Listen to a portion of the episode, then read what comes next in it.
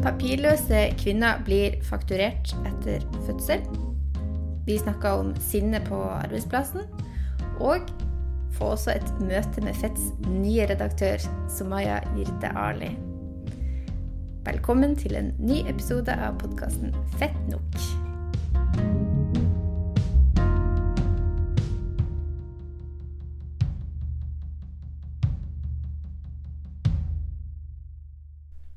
Hei, Mari Lilleslåtten, og hei, Somaya Jirde Ali. Så hyggelig å sitte med dere her i kveld. Og en særlig velkommen eh, til deg, Somaya. Du eh, har jo ikke vært med i podkasten før, så velkommen hit til Fett nok, for det første. Men for det andre, og enda viktigere, særlig velkommen som ny redaktør i Fett. Tusen hjertelig takk. Eh, jeg tenkte vi må jo nesten bruke litt tid nå helt først til å bli litt kjent med deg, egentlig. Mm. Som ny redaktør. Så først eh, så lurer jeg jo bare på hva, hva føler du nå? Det er et par uker siden du først ble, det først ble offentliggjort at du eh, skal ta over denne fettskuta. Hvordan har det vært?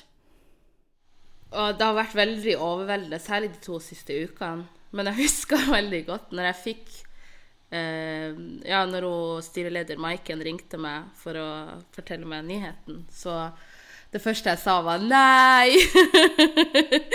For jeg klarte ikke å tro på det. det har egentlig vært eh, en veldig sånn morsom prosess fra jeg fikk tilsendt hun Marian Hussein i SV, som er en veldig god venninne, og også veldig sånn hun, hun, er en sånn politiker som gjør det til sitt sånn ansvar å promotere og fortelle folk om ulike tilbud. Eh, hun sendte meg lenker og var sånn 'Det her må du søke på'. Og så husker jeg veldig godt at jeg ble jo umiddelbart interessert, fordi jeg har jo bidratt til Fett siden 2017 og har funnet det som Det var det første tidsskriftet jeg skrev for, og det, det har vært et veldig sånn givende og ja, bare fantastisk eh, søsterskap å være en del av i alle disse årene. Og det å, mulighet, det å, ha fått mulighet til å bidra eh, med ulike tekster og dikt og essays og intervjuer, det har vært veldig kult. Men jeg, men, var, men jeg søkte ikke med en gang, for jeg var veldig usikker, og det fikk meg jo veldig til å tenke altså I ettertid så fikk det jo meg til å tenke veldig på hvordan vi kvinner og jenter vegrer oss fra å på en måte hive oss uh, inn i, i på en måte, ja, prosesser eller stilling, liksom søke på stillinger som vi kanskje faktisk er kvalifisert for. Og det var jo Marian som faktisk måtte ta en sånn peptalk med meg og si sånn du, du, må bare søke. Det, det, her hadde vært helt fantastisk hvis du hadde hvis du hadde fått denne muligheten. Og så gjorde jeg det. Og jeg hadde jo gått rundt og tenkt at det hadde vært ja, som hun sa, helt fantastisk og helt sånn surrealistisk. Og så når det skjedde, så klarte jeg faktisk ikke helt å tro på det. Jeg syns en ting som du eh, sa veldig fint i den pressemeldinga som vi sendte ut fra Fett, og som du nevnte nå også, er liksom at du ser på Fett som et sånn søsterskap. Et, eh, og det er en sånn beskrivelse som jeg liker veldig godt, da. Hvordan eh, tror du at vi på en måte kommer til å se deg etterlate ditt merke på det her søsterskapet framover? Eller hvordan skal du lede videre? Jeg kommer jo, eh, som jeg også har sagt tidligere, altså jeg skriver meg jo inn i en allerede eksisterende tradisjon, og jeg har veldig lyst til at det skal på en måte ikke det skal ikke komme noen sånn revolusjonerende endringer eller på en måte endre totalt på bladet. Det er veldig mye som jeg elsker ved fett, som jeg kommer til å ta med meg videre. Blant annet det der med å gi folk som ikke ellers har fotfeste innenfor norsk på en måte litteraturverden og, og politikk eller kulturverden en sjanse. For det var det Fett ga meg da, eh, i 2017. Og det syns jeg er veldig viktig, for det, det, å, det å på en måte først og fremst altså Selvfølgelig, eh, vi skal jo Eh, etterstreber vi, jeg og redaksjonen skal jo etterstrebe å ha en sånn tydelig og klar um, og også kompromissløs, uh, vil jeg uh, nevne, um, redaksjonell linje. Men det å ha rom for uh, at ikke alle kan har på en måte erfaring da, med det å skrive. At ikke alle kan At, folk, altså at, at du kan få en sjanse. Det syns jeg er veldig viktig, og det er noe jeg kommer til å ta med meg videre. Så bra. Ja, det er jo en sånn kjempe Det har jeg også likt veldig godt med å jobbe med, med fett. Også etter hvert som vi har på en måte fått mer penger og mer midler i redaksjonen, så kan man liksom bruke det til å på en måte få flere profesjonelle skribenter inn. Men samtidig så banker jo også hjertet mitt veldig for at fett på en måte skal fortsette å liksom være en skriveskole og sånn springbrett for unge samfunnsdebattanter som kanskje ikke er så vant til å på en måte skrive en tekst og bearbeide den mange ganger og liksom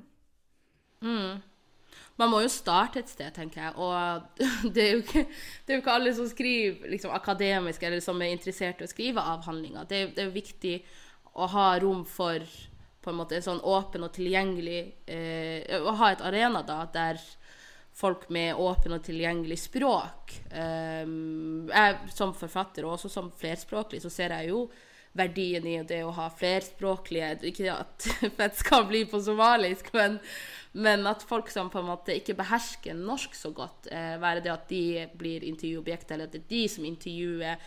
Vi skal jo ha språkvalg, vi skal jo ha liksom Alle tekstene skal jo bære preg av å være av god kvalitet, men at disse på en måte nyansene og de ulike måtene å, å, å være på i, i, i samfunnet, det, det, det er noe med det der eh, og det, det føler jeg liksom er Jeg føler at Fett er det eneste tidsskriftet som har rom for det, hvis det gir mening. Eh, de andre tidsskriftene Jeg har jo skrevet for andre tidsskrifter og har på en måte vært borti dem. De, de, er, de er for på en måte stilistisk eh, og for på en måte litt sånn, sånn kjedelige og rene, da. Eh, litt sånn sterile, rett og slett. Um, og det var jo det jeg syns var veldig fint med bl.a. Vinduet, da, etter at hun, Maria Horvei ble redaktør der. Hun klarte på en måte å få det til å Hun, hun skapte en sånn form for bakkekontakt da, eh, som eh, det tidsskriftet ikke hadde tidligere. Og, og det er det jeg også vil at Det har Fett hatt, og det kommer det til å fortsette å ha, tenker jeg. Men øh, fett er jo også litt sånn referansepunkt for øh, feminismen i Norge i dag. Hvordan øh, Nå ble det nesten som en sånn jobbintervju, men Sumaya, hvordan kommer Hvordan kommer man til å forstå hva feminisme er når man åpner Fett fremover? Det skal ikke være noe tvil om at det er eh, interseksjonell feminisme som vi kommer til å fronte, da, som Fett også har fronta nå i en årrekke. Både under din ledelse, Hanne, men også under Heddas. Um, og og, og det, det er veldig viktig for meg, fordi det, vi har jo noen aviser, altså, altså Klassekampen, som er veldig glad i å, og kalle seg for venstre, liksom antirasistisk, og så lever man ikke opp til de merkelappene man sjøl gir seg. Eh, og det, det er noe vi skal unngå, da, eh, jeg og redaksjonen. Vi skal leve opp til den, det ryktet vi på en måte skal gi oss sjøl, eller ja. Jeg gleder meg til å lese. Men Hanne, hvordan er det å skulle slippe denne redaktørrollen? Eh, nei, jeg syns det føles veldig bra, men kanskje også bare fordi jeg vet at jeg går fra redaktørstolen til å liksom Med en så kompetent person som skal følge Som skal liksom ta fett videre. Jeg gleder meg kjempemasse til å se hva det blir til fremover, og jeg regner med at jeg kommer til å følge det ganske tett også. Så det Jeg gleder meg bare masse. Nå har jeg på en måte sittet her i tre år, så jeg, det føles liksom på tide for min del. Og så føler jeg liksom at jeg kan gå fra fett på et godt sted. Vi har liksom mye bra på gang. Det kommer nye nettsider. Vi har starta en podkast som bare skal bli bedre og bedre. Så det er liksom Og så i tillegg så er det liksom tidsskriftet og Det glemte jeg å si, men du har jo jobba i andre tidsskrift også, tidligere som Vox f.eks., så du har jo masse relevant erfaring. Så når du ringte og hadde liksom spørsmål om stillinga, så ble jeg jo bare kjempeglad, for jeg tenkte Her. Jeg håper, jeg håper at hun søker. Og så er du bodøværing, ikke minst, så jeg syns også det er veldig fint, da. Flere nordlendinger. Det syns jeg òg.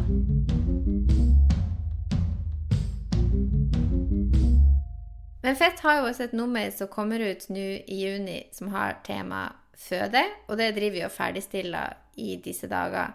Og eh, da har jeg fulgt litt med på også en artikkelserie som de har hatt i Klassekampen den, de siste ukene, som jeg syns har vært veldig interessant og ganske opprørende å lese om. Og det er hvordan eh, fødekvinner som er papirløse i Norge, blir fakturert i etterkant av fødselen. Og eh, det er snakk om ganske mye penger også. Det kan være 30 000, det kan være 80 000-90 000. Ei kvinne i fjor, i fjor fikk inkasso på 250 000 kroner fra Haukeland sykehus, har de skrevet om. Og eh, det her eh, har jeg lyst til å diskutere litt med dere. Har dere fulgt med på den saken? Visste dere at eh, det koster penger å føde dersom du ikke har papirer i Norge? Det er ganske mye som koster penger hvis du ikke har eh, papirer i Norge, eller det er ganske mye som er ganske vanskelig da. Det er jo veldig sånn opprørende at man Altså, du kan jo ikke Det gjelder jo på en måte all mulig sykdom, da, og dette gjelder vel annen helsehjelp òg, men at du skal at, at, det ikke er noe automatikk i at når du skal føde, at den hjelpen får du selvfølgelig, på en måte. Men, men, jeg har lest en del av de sakene i Klassekampen som hun eh, Åse Brandvold, journalisten, veldig sånn kred til henne for å gjøre en så grundig uh, jobb med disse sakene. Fordi det er jo en del hvert år som går gjennom dette. Og uh, det virker jo som det er litt uklarhet i hvorvidt de faktisk må betale eller ikke. Fordi eh, sånn som jeg leser en del av disse sakene, er at de får på en måte oppgitt at det koster så mye som det koster, og det kan jo være ja, opptil 250 000. Da. Men at det ligger på en måte noen føringer eller noen formuleringer der om at det, hvis du ikke har, er liksom betalingsdyktig, så, så kommer du ikke til å måtte betale. Da skal på en måte sykehuset ta det, eller helseforetaket, da, som det heter. Men det er jo ikke Altså, hvordan skal man vite det når man får en faktura? At dette ikke er noe du og, og, særlig hvis man tenker på hvem det er snakk om her, da, som kanskje hvis du er papirløs i Norge, så er det ikke sikkert at du liksom forstår det norske byråkratiet opp og ned, liksom. Eh, eller i det hele tatt forstår hva Altså sånn Hvordan skal man både liksom manøvrere i systemet og eh, håndtere det å få en sånn du, Hvis du ikke har noen penger, så får du en faktura på 90 000. Hva skal du gjøre da? Ja, og hun kvinna som fikk inkasso på 250 000, hun hadde jo på en måte, Der har de jo engasjert seg for å formidle at hun har ikke betalingsevne. Hun har ikke mulighet til å betale de pengene, men har likevel fortsatt fått inkasso, da. Og det virker som det praktiseres ganske ulikt på ulike sykehus også. Sånn at det er noen uklarhet knyttet til regelverket der også. Mm. Jeg hadde ikke altså, jeg, jeg, eh, altså, Når jeg leste om det i Klassekampen, så ble jeg egentlig ikke eh, overraska. For det er litt som du sier, Mari. For jeg tenker liksom på hvis du ikke anses som en borger. Hvis du ikke har bostedsadresse eller norsk personnummer, så eksisterer du jo nesten ikke. ikke sant? Og det, det paradokset er at du eksisterer økonomisk som en utgift, men ikke som ikke sant? Du dekkes ikke av de rettighetene som alle vi har, og som vi eh, jeg holdt på å si tar for gitt da, eh, at alle skal ha. Um, men eh, Så jeg ble ikke overraska, men jeg ble jo veldig sånn forferda og, og, egentlig bare sint, for det, det er så Det er så det er så ironisk at dette skjer i et land som liksom liker å Eller som smykker seg med begreper som humanisme og, og at liksom lik, likeverd, og at vi alle skal ha like rettigheter. Og, men papirløse er jo nederst på rangstigen. Og det, jeg, blir, jeg blir bare veldig sånn Jeg blir så lei meg på, på vegne av de familiene det gjelder, og de kvinnene. for det det er så mye stress. Du, han der kan jo du mer enn meg, men å, gå rundt gravid og, og, og, være på en måte sårbar på den måten, eh, samt, og, og, samtidig skal tenke på at du For de får jo, eh, som jeg leste de får på en måte vite på forhånd, før fødselen er i gang, hvor mye det her kommer til å koste. Og dette varierer jo. Um, og så skulle gå rundt og stresse over at du, kommer, du har en sånn ut, utgifter hengende over deg. en kommende utgift som du ikke har mulighet til å betale, det er jo veldig stressende. Um, og det kan jo gå utover fødselen. Og barnet. Og, og at vi At det finnes norske sykehus som på en måte bedrive en sånn praksis, det, det er så Det er så umoralsk og, og så forferdelig. Ja, for det er jo det som på en måte er den skumle konsekvensen, jo, eller, og det er jo sånn problemet med at man har en sånn ordning som man ikke ordner opp i.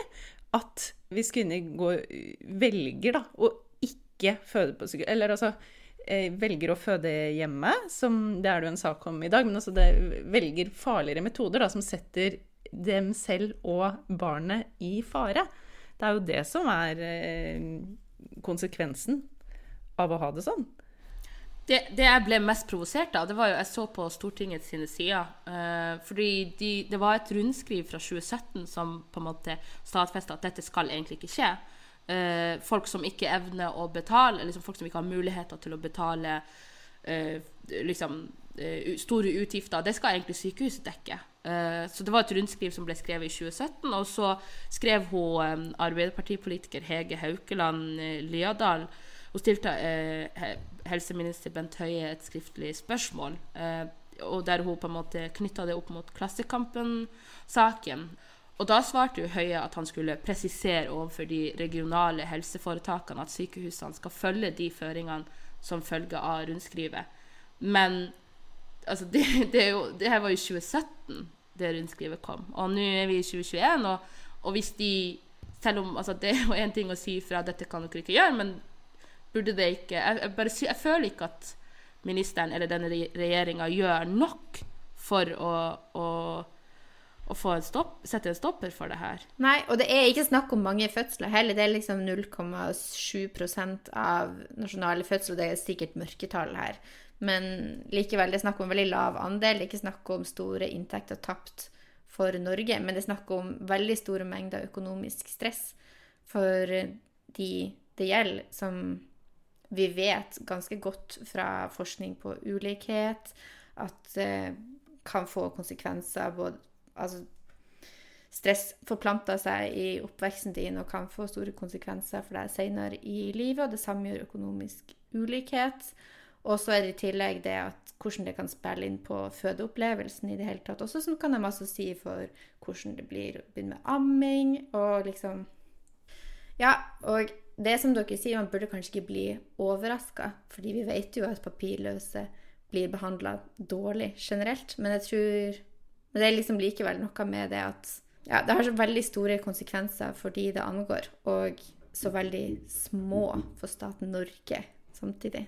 En annen ting som, er, eh, som jeg beit meg merke i når jeg leste dette, her, er at eh, fordi altså sånn, det er jo på en måte Vi er enige om at dette ikke er, er bra uansett. Men en ting er jo når måte, begge foreldre er papirløse, da. Men dette gjelder jo selv om faren er eh, statsborger i Norge. Og det er jo, det er jo direkte diskriminerende. Fordi altså, hvorfor skal eh, det kun knyttes til morens eh, status, da, og ikke til faren? Ja, det gir jo null mening. Hvorfor det? Og da blir vel ungen også født som norsk statsborger, blir den ikke det? Uansett. Så det er jo også, og det er også helsehjelp. Til Ja, men det var det som jeg også så på det ene regnestykket der. At da, da blir, ikke, blir man ikke fakturert da, for barnet. Utgiftene til barnet. Bare til um, moren. Eh, Og det er jo Eller hele dette eh, fakturaer fra sykehuset handler jo bare om at sykehusene våre er organisert som mm. Altså som butikk, liksom. Mm, mm, business. Og de skal effektiviseres, og de skal, ja, du skal ta penger fra de som ikke har penger. Altså, det er så Det er så absurd. Ja, og det er en prislapp da, på alle ting du eh, får.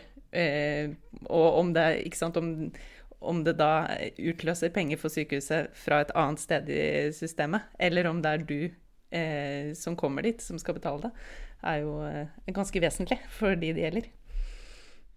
Jeg bare syns det er så merkelig at det her skjer når det finnes et forskrift som sier liksom, at papirløse kvinner har rett til helsehjelp i forbindelse med både fødsel og abort. Og så finne Altså, så er det bare sånn Ja, vi driter i disse forskriftene, for vi ser ikke på disse Liksom det, det er jo altså, sykehusene sine altså, Det er jo bias. Det er jo deres egen diskriminering og deres egne på en måte negative forestillinger knytta til disse, og en blanding av det økonomiske aspektet, selvfølgelig, eh, som gjør at det, det, det, er bare Ja, vi bare kjører på. Og det, det ja, det er så provoserende. Mm. Jeg tror kanskje også det er litt sånn, der, sånn type Eh, hva skal man si Alt det eh, dumme som kommer ut av at alle prøver å følge regler. Fordi at eh, det er jo det de sier, bl.a. i Bergen, som sendte dette inkassokravet på 250 000, er at de prøver å følge reglene og, føler, og, ser det som at de har fulgt reglene. Og at det er egentlig ikke vond vilje, da, men at det er resultatet av at det er, at det er ikke klart nok i um, regelverket hva det er eh, som faktisk burde skje. Ja, det burde ikke være vanskelig å mobilisere nok politisk vilje til å gjøre disse reglene klarere, i hvert fall. Nei. Men uh, en som mobiliserer, det var veldig uh, sånn, uh, fantastisk å lese om hun jordmoren som hjelper folk med hjemmefødsler, da. Det um, Som hun sa, hun tok det på, ver liksom på verdensbasis. Var på en måte hennes sånn regnestykke. Så det Ja. ja. Flere som henne sier jeg bare. Og virka som en helt fantastisk jordmor. Anette Mikkels mm. var det vel hun het. Hun har tatt imot 53 unger i løpet av noen år nå. 20 år eller noe sånt. Ja. ja. Mm. Og noen har hun tatt imot hjemme hos seg sjøl også. Eh, der, hvis man ikke har klart å finne andre forsvarlige fødeforhold, liksom. Så eh, men, men, men, i forhold til eh, det tallet helsesenteret oppga eh, sånn, med tanke på hvor mange kvinner de har vært borti som har blitt utsatt for dette, det var jo på 500. Ja, det er bare en liten Og det er liksom mm. Ja, vi, vi, som samfunn så har vi ofte liksom en tendens til å heie frem når et, når et enkeltindivid sliter seg ut og sliter ut kroppen sin for å, å bøte på og fylle på en måte Uh, liksom, ja, tette de hullene som systemet skaper. Og det syns jeg det blir bare så det, det, skal Altså, det skal ikke være Det er ikke hennes ansvar. Det skal ikke være sånn i det hele tatt. Men at det er jo selvfølgelig fantastisk bra, og, og kudos til henne, men hun burde også slippe, på en måte. Selvfølgelig burde hun slippe. Mm. Det er jo helt Ja, og det som hun sier, det sinnssyke presset, da, når hun I de situasjonene hvor For hun må jo på en måte vite at hun kan eh, dra til sykehuset hvis noe skjer, og den situasjonen det setter henne i da. Mm det er jo ikke Det burde hun ikke trenge. Nei, det skal jo ikke måtte være et moralsk dilemma om man skal sende en kvinne på sykehus hvis man føler at de burde det, som utdanna jordmor, liksom. Bare det at du må stå i den vurderinga, er jo helt hinsides. Det skal ikke skje. Nei. Men det blir jo altså sånn eh, Det er jo alltid interessant å se hva som skjer når eh, en sak får litt sånn oppmerksomhet over tid, da. Fordi det kommer jo ofte flere og flere saker fordi folk tar kontakt når, når det er en eh, en journalist som jobber med noe over tid, og det er jo saker å konfrontere myndighetene med. Så kanskje kan det komme noe ut av dette. Jeg håper det. Det burde det.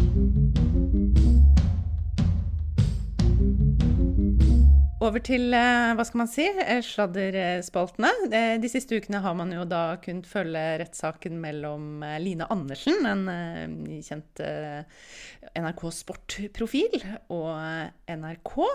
Og denne saken hvor Andersen hun har da gått til sak for å ha blitt stillingsoppsagt da hun ble nedgradert fra programleder til nettjournalist.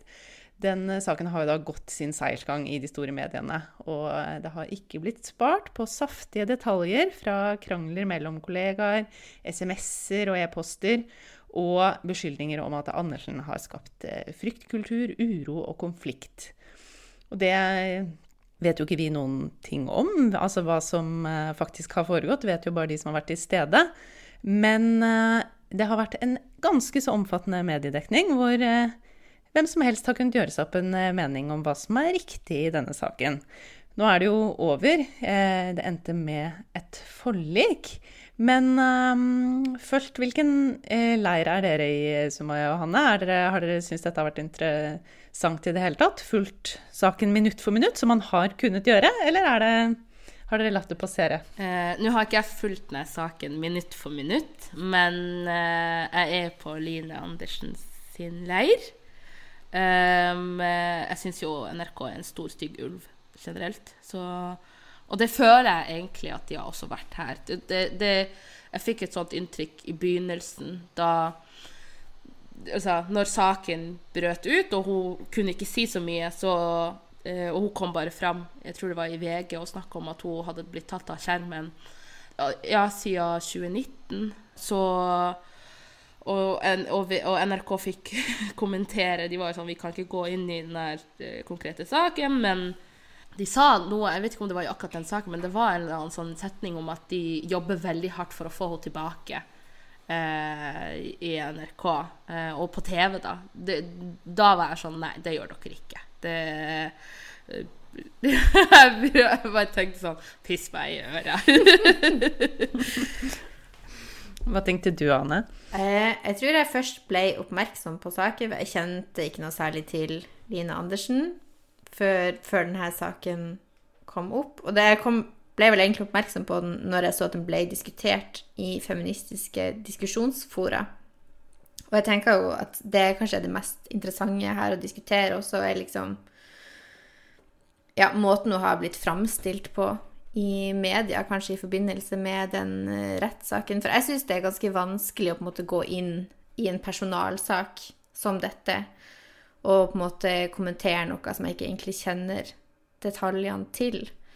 Men eh, jeg er jo helt enig i at NRK ikke kommer så veldig godt ut av det her som arbeidsgiver, fordi hvis det stemmer at det har vært et så dårlig arbeidsmiljø, at, at ansatte har liksom begynt å grine og blitt utslitt og i det hele tatt, så burde det på en måte ikke gått så langt som 13 Eller sånn det burde ha vært blitt stoppa tidligere, da.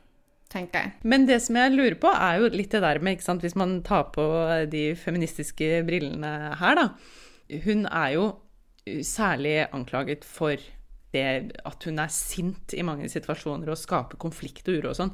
Og jeg har liksom prøvd å se saken, for det er jo også det som eh, bl.a. i den selskapelige eh, diskusjonsforening, eh, som jeg tenker du sikkert refererte til, Hanne, at der er jo det spørsmålet oppe er det sånn er, Hvordan er rommet for kvinner og menn når det gjelder det å bli sint på arbeidsplassen? Og det tror jeg egentlig at Eller vi kan godt diskutere det spørsmålet. Jeg vil bare nesten slå fast at det er veldig mye mindre. det Men, tror jeg du har rett i. ja.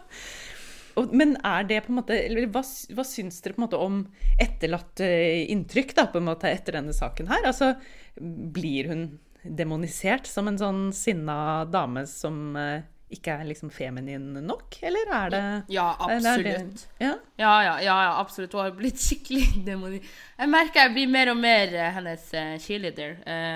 fordi jeg bare Det er noe med den denne framstillinga. Og det var noen som skrev på Twitter, og det syns jeg var veldig betimelig spørsmål, som stilte liksom er denne saken, Blir denne saken dekt så mye fordi den er på en måte eh, altså relevant, eller fordi den eh, er viktig, eller den har potensial til å sette presedens når det kommer til hvor mye makt kan eh, arbeidsgiver ha over, over, måte arbeidstaker, da, og, og, kontrakt og alle de tingene, rettslige ting. Um, men, eller er det Eller blir det dekt så mye fordi det er media som skriver om på en måte media? Um, og det syns jeg var et veldig godt spørsmål, men jeg syns også framstillinga av henne så senest i dag, en sånn uh, tittel Jeg tror det tror ikke det var på NRK, men et eller annet sted som jeg ikke husker helt. der det sto sånn at hun hadde kalt NRK for en drittgjeng eller et eller annet. Uh, og, og, det er tittelen. Uh, og det, det det er bare altså, jeg, jeg, mener absolutt at hun har mindre rom. Fordi hun er kvinne, så har hun mindre bevegelsesrom til å være sint, til å uttrykke dette sinnet. Og jeg heier ikke frem på en måte, det å være kjip mot ens kollega og, og, og, og det å bryte folk ned, eller eh, liksom, den oppførselen som hun har blitt beskyldt for å ha. Men, Men er det så ille? Ja, men det tenker jeg jo men men nå motsier jeg meg sjøl sikkert, men jeg bare prøver å si liksom Har hun hatt så mye makt? Jeg bare klarer ikke å forstå Hvis du har en vanskelig ansatt, de, altså, kan man ikke si fra? Kan man ikke eh, eh, altså, hvordan, altså, Det er også noe med framgangsmetoden. ikke sant? Du, du, de har en vanskelig ansatt som er kjip mot sine ansatte, og så da er liksom eh, løsninga å bare ta henne fra, fra, fra skjermen. Er, det de, er det den redaksjonen hun har blitt skåna for? Altså, det, er bare, det er veldig mye her som jeg bare syns er Og er hun så mektig? Er, liksom, er, er, det, er det så Det er bare noe med hvor mye makt de tillegger på en måte hennes oppførsel, som jeg syns er litt sånn rar. Men det vet jeg ikke om jeg ja.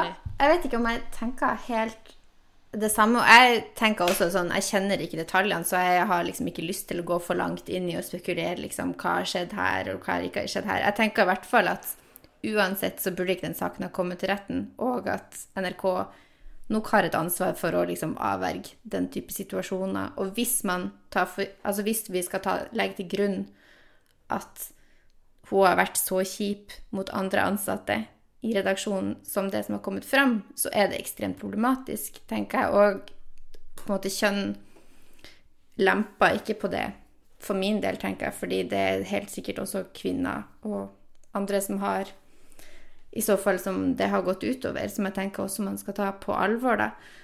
Eh, samtidig så tenker jeg også at det med at en enkeltperson kan ha mye uformell makt på en den type arbeidsplass, det tviler jeg ikke egentlig på i det hele tatt, selv om hun er kvinne. Sånn, man har jo sett masse medieprofiler som har på framskutte personer, eh, roller, mener jeg, i mediebransjen som har kunnet holdt på i årevis med liksom seksuell trakassering, og liksom av den uformelle maktposisjonen som de har hatt i det, på den arbeidsplassen og i det nettverket, så er det ingen som har varsla om det. Og, eh, Ja, ja der, der, du har helt rett i det, og der er jeg enig. Eh, da, jeg, jeg, jeg vet ikke. Det er vel bare mitt intense eh, Holdt på å si hat. Jeg hater ikke NRK. Men uh, de- det er all grunn til å være kritisk til NRK her. Ja. Kjempekritisk. Uh, Men uh, nei, du har, det er et go veldig godt poeng. Jeg mener liksom ikke at kvinner skal Fordi sant, det er jo veldig mange Når man prater om bevegelsesrom, så er det jo veldig mange som på en måte tenker dette kunne aldri ha skjedd med eh, på en måte en mann. Eller at en mann hadde blitt tatt så på alvor da, med sitt sinne. Eh, man hadde bare latt det gå i mange, mange år. Og det, det, det er jo sant, men det er det er ikke en unnskyldning for at kvinner altså Bare fordi menn kan finne på å oppføre seg som drittsekker, så er det ikke, en, ikke, ikke løsninga eller svaret at kvinner også skal gjøre det samme. Eh, problemet er bare måten man håndterer og kategorisere det sinnet da, på ulikt. Eh, på en veldig sånn skjønna måte, der den ene tas mer på alvor og, og ses, på, ses, ses, som, ses på som hvor på en måte ødeleggende det faktisk er, mens det andre bare det, det snur man skinnet til fordi han er så dyktig. Han er jo så dyktig. Jeg tror også det er mye sånn eh, i spill. Og så tror jeg også det er eh, Eller eh, det med uformell makt, da, også sånn, på sånn type arbeidsplasser hvor det spiller veldig stor rolle. Hvor man liksom Altså eh, Hvor det er mye dårlig kultur i utgangspunktet. Eller, og dårlig ledelseskultur. Nå skal ikke jeg liksom anklage NRK sånn veldig for å ha det, men jeg tror kanskje hele mediebransjen kan føle seg litt sånn eh, sett eh, når det gjelder det. Og da tror jeg at det med liksom å ha eh, uformell makt blir veldig Ja, det, det får mye større spillerom, da, på en måte. Mm. Men, eh, men jeg tenker jo det der med Altså, en sånn type sak Altså det at eh, Eller det er jo noe annet som er galt med media, tenker jo jeg bare, da. At det er Denne saken må jo bare ha blitt så stor fordi at den kan generere så mange klikk. Altså sånn Det er jo egentlig ikke interessant for oss at hun holder på med dette her. Men eh, jeg gikk eh, forbi et, en, et Se og Hør i går med liksom sånn Du vet sånn som det er på forsidene på Se og Hør med sånn stjerner med sånn det og det og det. Og da var det liksom Line Andersen på hele. eh, forsida med sånn eh, Ufrivillig barnløs. Moren døde. Raste ned 20 kilo. Som, bare, som er så stygt, liksom. At det At man skal ha det eh, bli behandla i offentligheten på den måten der. Jeg bare Jeg, jeg skjems, liksom.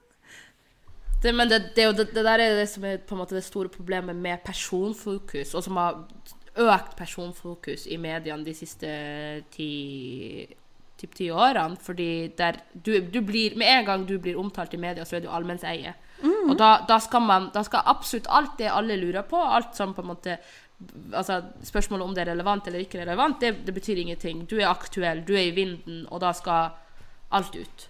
Uh, og det er veldig problematisk. Men jeg, men jeg, personlig er litt uenig i at denne saken ikke har offentlig interesse. Jeg mener at dekninga har vært uproporsjonal uh, i forhold til sakens på en måte, relevans og sånn, men hun har jo i lang tid vært på en måte NRKs ansikt utad. Uh, og sånn sett tenker jeg det er naturlig og, og, og viktig å også på en måte dokumentere dette da bruddet. Ja, det er kanskje det. Det er liksom en sak som har mange, mange ja. sider. Men ja, men liksom når man slår opp mot sånn de mest intime tingene som har blitt delt fra den rettssalen, så tenker jeg at der kunne man jo kanskje Altså, vi trenger ikke å vite alt liksom, som blir sagt ja. i den rettssalen heller. Det er jeg helt enig Det er helt enig men, men, men, men, Ja, det er jeg helt enig Men det er liksom i tråd Og det er, det er forkastelig at det er sånn, men det er liksom i tråd med det der økte personfokuset, som er veldig Det bryter ned den omtalte på så mange måter og, og, det betyr ingenting fordi man tenker mer på klikk, og man tenker på Det finnes noen der ute som er interessert i å lese dette, liksom. Mm. Altså, Én ting er å lese alle disse sakene, men jeg er veldig glad for at jeg ikke er en sånn kommentarfeltleser. For mm. eh, jeg kan bare forestille meg eh, mm, hvordan mm. eh, det har blitt skrevet om dette der. Men problemet syns jeg også er liksom hvordan veldig mange av disse overskriftene tilrettelegger for de rabiate kommentarfeltene. ikke sant? Det var jo en overskrift om at hun hadde tjent over en million kroner uh, og få sånn i sluttpakke eller et eller annet. Og det er bare sånn, når man regner opp alt Det var vel med, eh, Medie24 eller, en, eller VG der jeg leste tidligere i dag, at hun sitter mer eller mindre igjen med ingenting.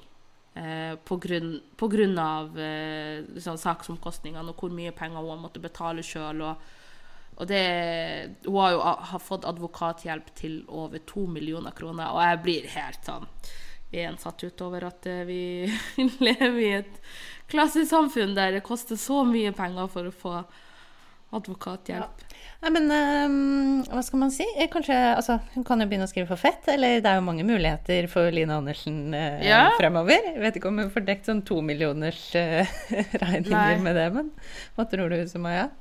Ja, hun, hun, er hjertelig velkommen til å skrive for oss. Hun kunne, kunne jo intervjue henne eller noe. Jeg er jo tydeligvis en cheerleader. Jeg, hadde, jeg visste ikke at jeg hadde en cheerleader inni meg, men Hun kom fram!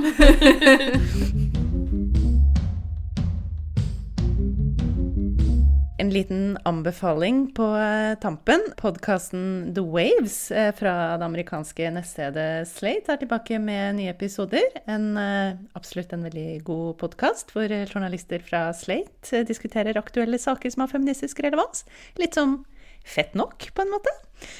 Bare på engelsk.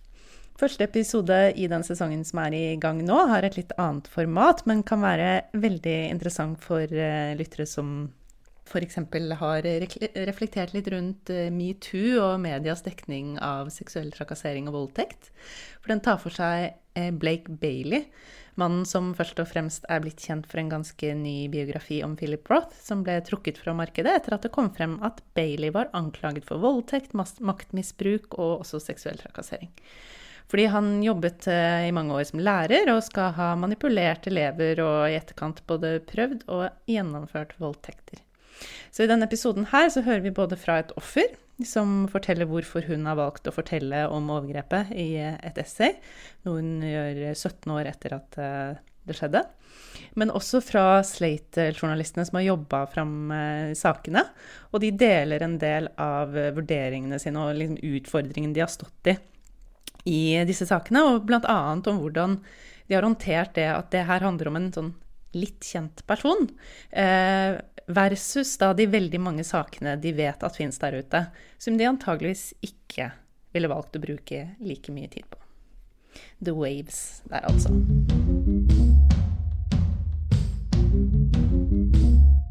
Takk for gode diskusjoner i dag, Mari og Sumaya. Takk sjøl. Og så kommer det en ny episode av Fett nok om eh, to uker, regner vi med. Så her har jeg også lyst til å oppfordre alle som hører på, om å abonnere på Fett. Det er en veldig god anledning nå, fordi ganske snart så leverer vi et nytt nummer til trykk som har temaet føde. Det kommer til å bli kjempebra.